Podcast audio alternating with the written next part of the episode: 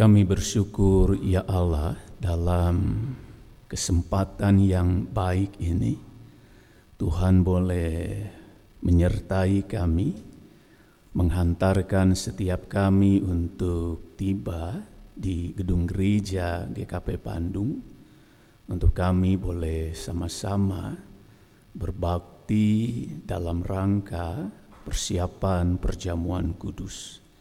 Kami juga bersyukur Tuhan boleh menyertai juga setiap anggota jemaat yang hari ini bersama-sama beribadah di rumah melalui kanal YouTube GKP Bandung.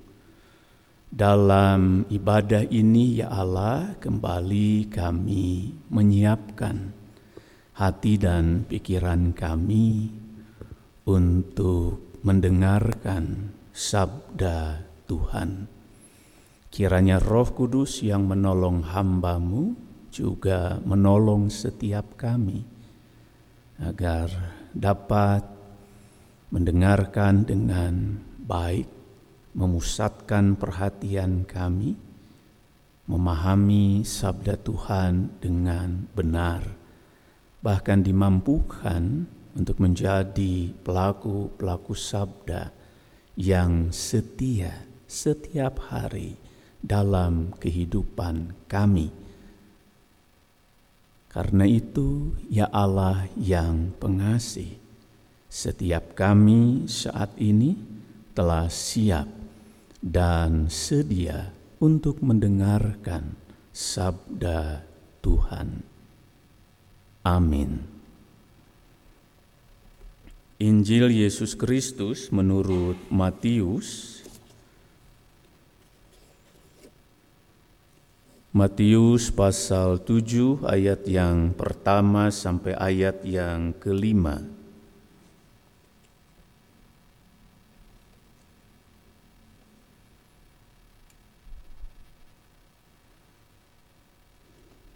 Matius 7 ayat yang pertama sampai ayat yang kelima,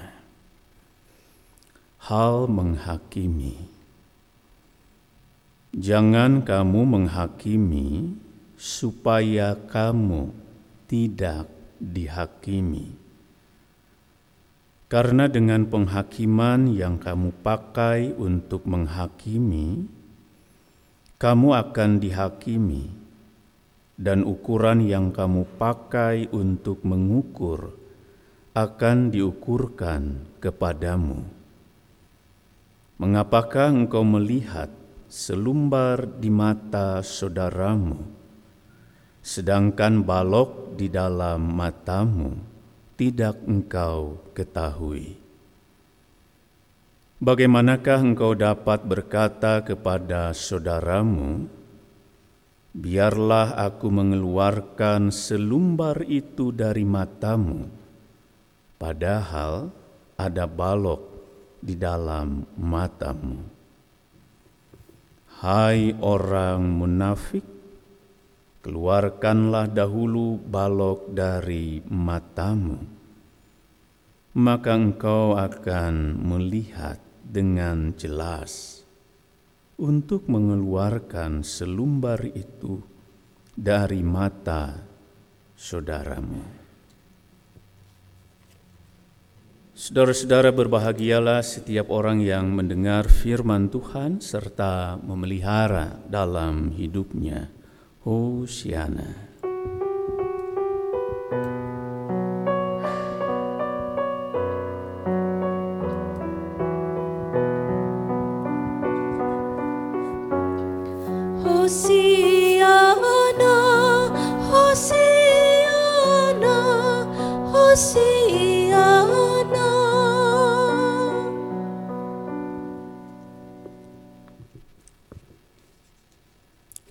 Saudara-saudara yang dikasihi oleh Tuhan, baik yang ada di gedung gereja maupun yang saat ini ada di rumah masing-masing, eh, Bunda Teresia pernah berkata, "If you judge people, you have no time to love them."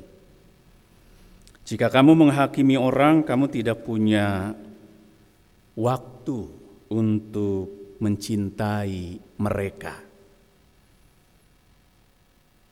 Kita menyia-nyiakan hidup kita ketika hanya fokus melihat kelemahan, kekurangan, kesalahan sesama kita. Jika hanya fokus, orang lain selalu salah, diri sendiri selalu benar. Sikap ini akan membuat cinta hilang, kebencian datang. Pada orang seperti ini, Yesus mengingatkan dalam Matius 7 ayat 3. Mengapa engkau melihat selumbar di mata saudaramu, sedangkan balok di matamu tidak engkau ketahui? Atau senada dengan itu ada ungkapan orang Sunda yang mengatakan utek tongo dina tarang batur kanyahoan gajah depa dina punduk tekarasa. Bapak Ibu pasti hafal ya tongo itu apa. Ini satu binatang yang sangat kecil dan seingat saya biasanya menyerang laki-laki biasanya. Karena waktu kecil saya punya pengalaman itu gitu ya, tongo gitu ya ini lebih kecil dari tumila Bapak Ibu. Saya cari-cari kamus gitu ya, lihat padanan bahasa Indonesia saya enggak enggak menemukan. Mungkin Bapak Ibu ada yang tahu gitu ya. Tongo sama tumila bahasa Indonesianya apa? Itu ya. Kalau tumila kan biasanya ada di kasur kapuk ya. Itu suka gigit-gigit ngambil darah kita gitu. Itu kecil gitu ya. Nah, ini tongo lebih kecil lagi. Utek itu otak gitu ya. Bayangkan tongo udah kecil, ini otaknya, otak tongo gitu ya. Katanya utek tongo dina tarang, tarang kan ini ya, tarang batur.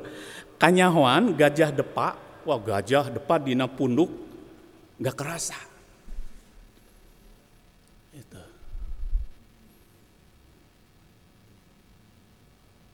Tongo kecil utekna sakumaha Bapak Ibu. Tapi kalau orang yang fokusnya hanya hanya ya, fokusnya hanya melihat kesalahan orang, maka sesuatu yang kecil pun terlihat.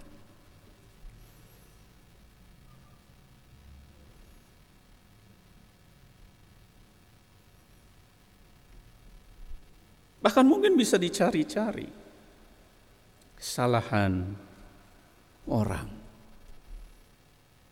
Tapi kesalahan dirinya walaupun besar, berat gitu ya. Seperti ada gajah depak di Napunduk, nggak kerasa. Kalau ada yang salah, ada yang keliru gitu ya, dari diri sendiri ya sering kali tak terasa. Kenapa ini bisa terjadi Bapak Ibu, Saudara-saudara? Salah satu yang melatar belakangi sikap hidup asa aing Asaing itu kan merasa diri. Ya. Asa aing pangnyahona gitu ya, merasa diri paling tahu. Asa diri pang pinterna merasa diri paling pintar, asa diri pang bisana merasa diri paling bisa, asa diri pang hebatna merasa diri paling hebat, asa diri pang alusna merasa diri paling bagus, asa diri pang benerna merasa diri paling bener, asa diri segalanya Sagalana merasa diri paling segalanya. Atau bahkan asa diri paling deket jeng Gusti. Merasa diri, oh karena saya rajin ibadah, rajin KRT, rajin pelayanan, pasti saya mah dekat, paling dekat dengan Gusti, dekat dengan Tuhan. Nah, kalau orang punya penyakit asa aing, maka akan melihat yang lain itu di bawahnya lebih rendah, tidak selevel. Orang akan maka dia akan mengatakan kepada orang lain, sorry kita beda kelas. Gitu. Yang lain dianggap tidak bisa, yang lain dianggap tidak mengerti apa-apa. Nah rupanya itu juga yang sering kali jadi kebiasaan para ahli Taurat dan orang-orang Farisi, tentu mereka merasa punya status khusus ya. Mereka bangga dengan statusnya yang istimewa sebagai umat pilihan ya. Mereka bangga benar bahwa merasa paling dekat dengan Allah karena sebagai umat pilihan. Merasa sudah hafal Taurat, kitab suci paham betul, merasa sudah melakukan banyak ritual, kewajiban, keagamaan. Mereka paham betul itu. Bahkan bukan hanya 10 hukum Allah, tetapi mereka mencoba mendetailkan itu menjadi 613 mispat. 365 larangan. Lalu sisanya itu perintah tapi totalnya 613. Mereka merasa seolah-olah ya asaing tadi, aku paling. Dan kecenderungan itu membuat mereka melihat yang lain tadi, oh beda kelas, tidak selevel. Kami lebih tinggi, status kami istimewa. Kalian ya di bawah kami. Gitu. Kecenderungannya Bapak Ibu Saudara-saudara mereka sangat doyan menghakimi orang lain dengan ukuran mereka sendiri. Melihat orang lain dari titik lemahnya. Karena itu dalam bacaan kita, kalau kita membaca ayat yang pertama, Yesus mengingatkan, "Jangan kamu menghakimi supaya kamu tidak dihakimi." Tetapi apakah memang kita tidak boleh menghakimi?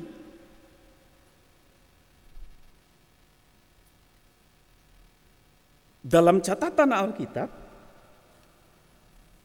ada banyak misalnya hakim-hakim yang memang dipilih yang memang diangkat untuk melakukan tugasnya sebagai hakim.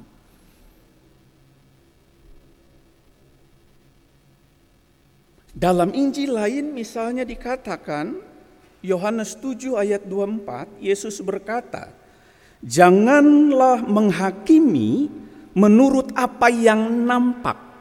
Gitu. Janganlah menghakimi menurut apa yang nampak. Berarti apa yang kelihatan, apa yang kita lihat, apa yang kita anggap. Tetapi hakimilah dengan adil. Nah, kalau kita melihat Yohanes, dibuka justru ruang menghakimi itu. Tapi catatannya, tetapi hakimilah dengan adil.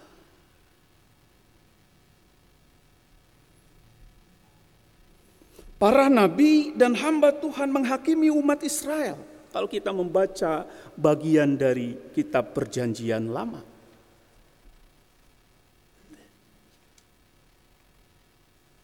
Nah, Bapak Ibu, saudara-saudara, perkataan Yesus, kalau kita mau lihat dari sisi Yohanes, ini membolehkan memberi ruang untuk kita menghakimi asal melakukannya dengan adil. Artinya apa? Memperhatikan fakta-fakta secara keseluruhan. Jangan dari apa yang nampak, jangan dari asumsi, jangan dari kesimpulan kita yang kerap kali bisa salah. Menghakimi dalam artian di dalam kasih untuk maksud memperbaiki, bukan menjatuhkan. Nah persoalannya Bapak Ibu Saudara-saudara, para ahli Taurat, orang-orang Farisi, kerap kali mereka menghakimi orang lain. Ukuran yang mereka pakai, ukuran mereka sendiri. Mereka tidak menghakimi dengan adil. Kenapa tidak dengan adil? Karena apa yang mereka kritik, itu juga mereka lakukan.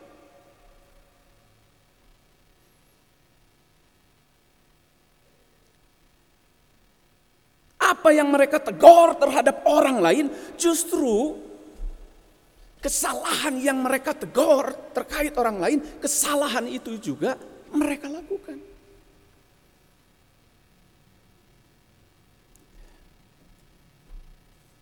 Sehingga sekali lagi mereka memakai ukuran mereka sendiri.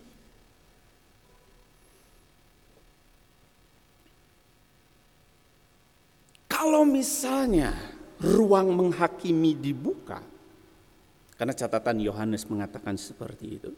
Persoalannya, berani nggak kita adil? Bisa nggak kita adil? Berani nggak ketika kita menilai orang lain, kita juga mau menilai diri sendiri? Dalam tema kita hari ini, silih koreksi. Gitu. Sehingga ketika kita menghakimi orang lain, tanda kutip, kita siap juga dihakimi dengan ukuran yang sama. Nah kecenderungan orang tidak mau dengan itu. Kecenderungan orang hanya fokus pada salah orang lain. Tapi kesalahan diri kan tidak dilihat. Sehingga penghakimannya tidak adil. Aib dosa orang terlihat jelas, tapi aib diri sendiri tak terlihat. Karena itu mari kita merenungkan firman Tuhan tiga hal pada kebaktian persiapan perjamuan kudus ini. Yang pertama,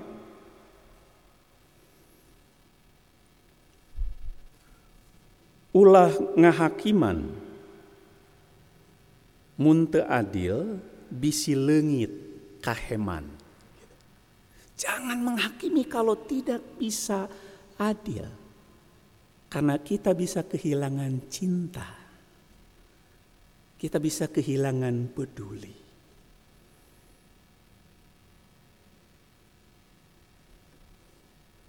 Kita bisa menegur orang lain, mengkritik orang lain, mengketer, mengkritisi,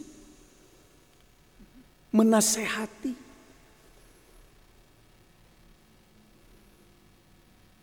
Tapi lakukanlah dengan kasih. Orang Sunda bilang lamun negor ulah cangor. Artinya apa Bapak Ibu? Lamun negor ulah cangor, cangor itu kan apa ya? Belum matang benar.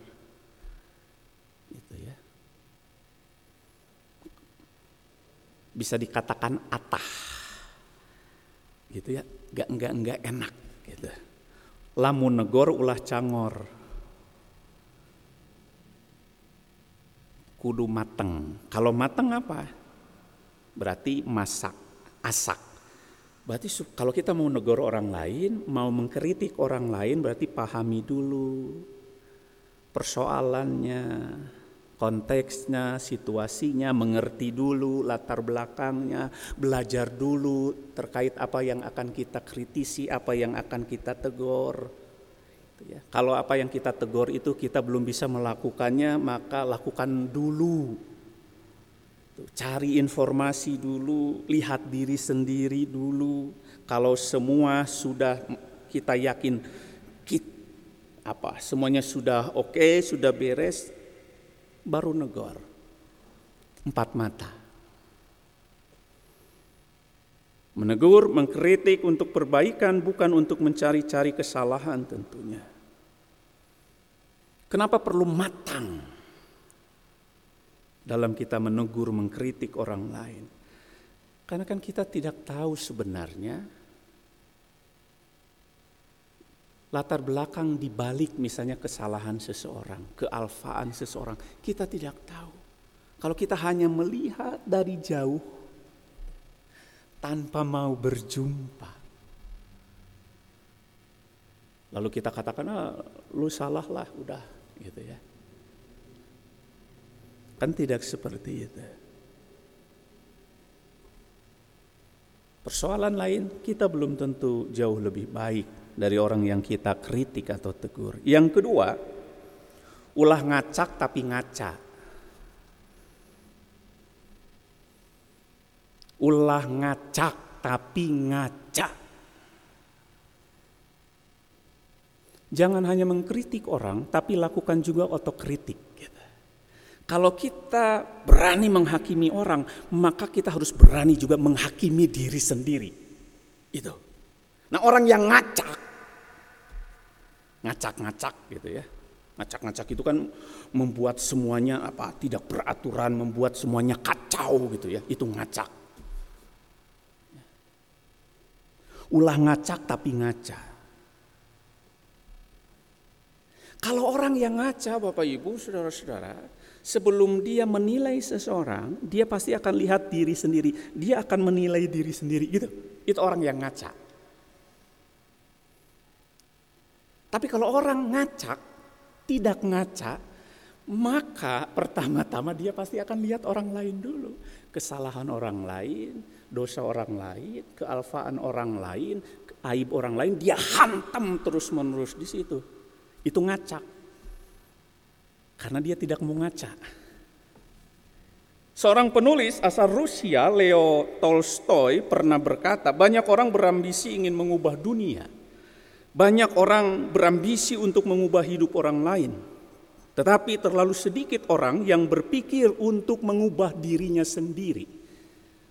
Nah kalau orang tidak mau mengubah diri sendiri tapi ia ingin terus-menerus mengubah orang lain, kamu salah, benerin dong. Kamu dosa, benerin dong. Maka itu kita termasuk orang yang mau mengubah orang lain. Tanpa ada kesediaan mengubah diri sendiri. Kalau kita seperti itu, maka penghakiman kita itu tanda kutip ya. Kita menghakimi dengan tidak adil.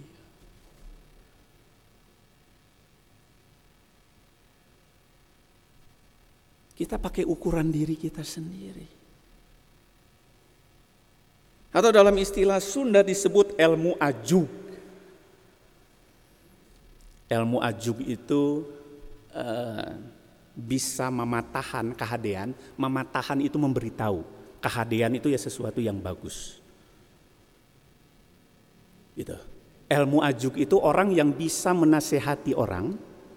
Misalnya kamu harus rajin ke gereja, tapi dia nggak rajin ke gereja gitu. Itu ilmu aju. Gitu. Eh kamu salah, kalau kamu salah, tahu diri dong, minta ampun. Gitu. Akui dosamu, akui salahmu dong. Minta ampun, bertobat. Tapi orang yang mengatakan seperti itu, dia tahu dirinya berdosa tapi dia nggak ngakui. Dia nggak bertobat. Itu ilmu aju. Gitu. Jadi selalu orang lain salah orang lain ini, dosa orang lain ini, dosa saya tak terlihat. Itu ilmu aju, bahaya. Suka mengkritik, tidak mau dikritik. Menegur, menasehati orang lain tapi dia sendiri anti nasihat, anti teguran. Gitu. Udah pasang blok gitu ya. Oh, sebelum aku dicemes orang nih, pasang blok dulu Sebelum aku dikritik nih, ya pasang blok dulu. Karena itu ulah ngacak, tapi ngaca. Artinya urusin diri sendiri, benerin diri sendiri dulu, pastikan semuanya oke, baru kita mengkritik, baru kita menegur dengan cinta, dengan lembut untuk perbaikan, untuk perubahan dengan kasih. Tidak perlu di banyak orang, cukup empat mata. Karena kalau kita menegur orang lain di banyak orang, itu ya, itu bukan menegur dengan cinta. Yang ketiga, ulah asa aing uyah kidul.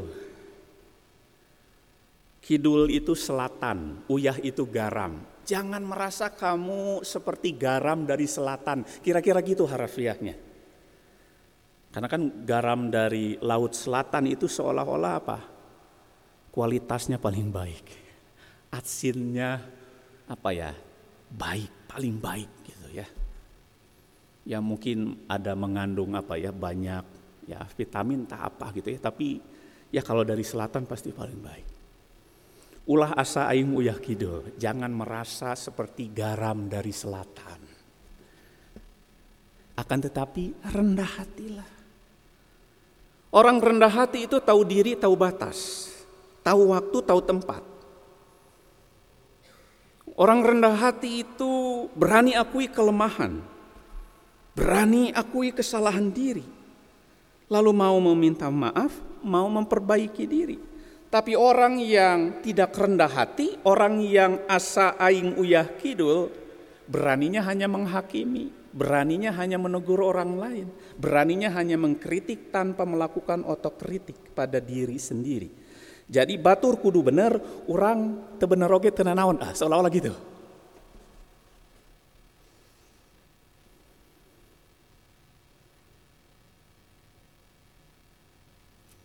Nah saudara-saudara yang dikasihi oleh Tuhan Yesus Kristus. Orang yang merasa aing uyah kidul biasanya membenci orang lain yang lemah, salah dan berdosa. Sukanya ngurusin orang lain. Pertanyaannya kan sederhana, apakah kita tidak pernah berbuat salah?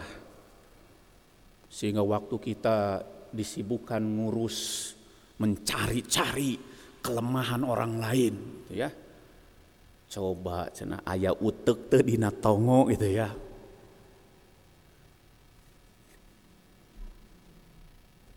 Saudaraku, sudah waktunya kita tinggalkan kebiasaan lama kita menghakimi dengan tidak adil. Tetapi kalau menghakimi dengan tidak adil, lalu kalau kita tanda kutip ya, kemudian kita mengambil keputusan ah, aku mau menghakimi orang lain, misalnya, maka terlebih dahulu hakimi dulu diri sendiri. Seorang hakim, Bapak Ibu, saudara-saudara, ketika melihat sebuah perkara, menentukan untuk menentukan sebuah keputusan, dia melihat banyak aspek. Dia tidak hanya melihat dari orang yang terdakwa misalnya. Dia memerlukan saksi, saksi ahli bahkan. Dia memerlukan keterangan dari banyak pihak. Dia coba pelajari konteksnya, latar belakangnya kenapa sebuah kesalahan itu terjadi. Supaya apa? Keputusannya tidak salah. Karena tadi tanggung jawab seorang hakim berat. Gitu. Karena itu kalau kita tidak siap untuk menghakimi diri sendiri, tidak siap untuk otokritik, tidak siap untuk menerima teguran dengan terbuka, ya jangan.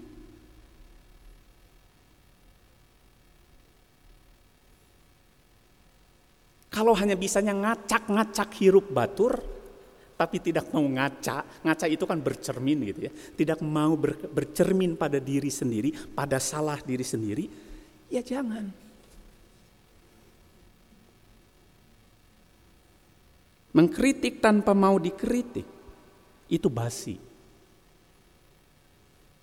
Karena itu silih koreksi.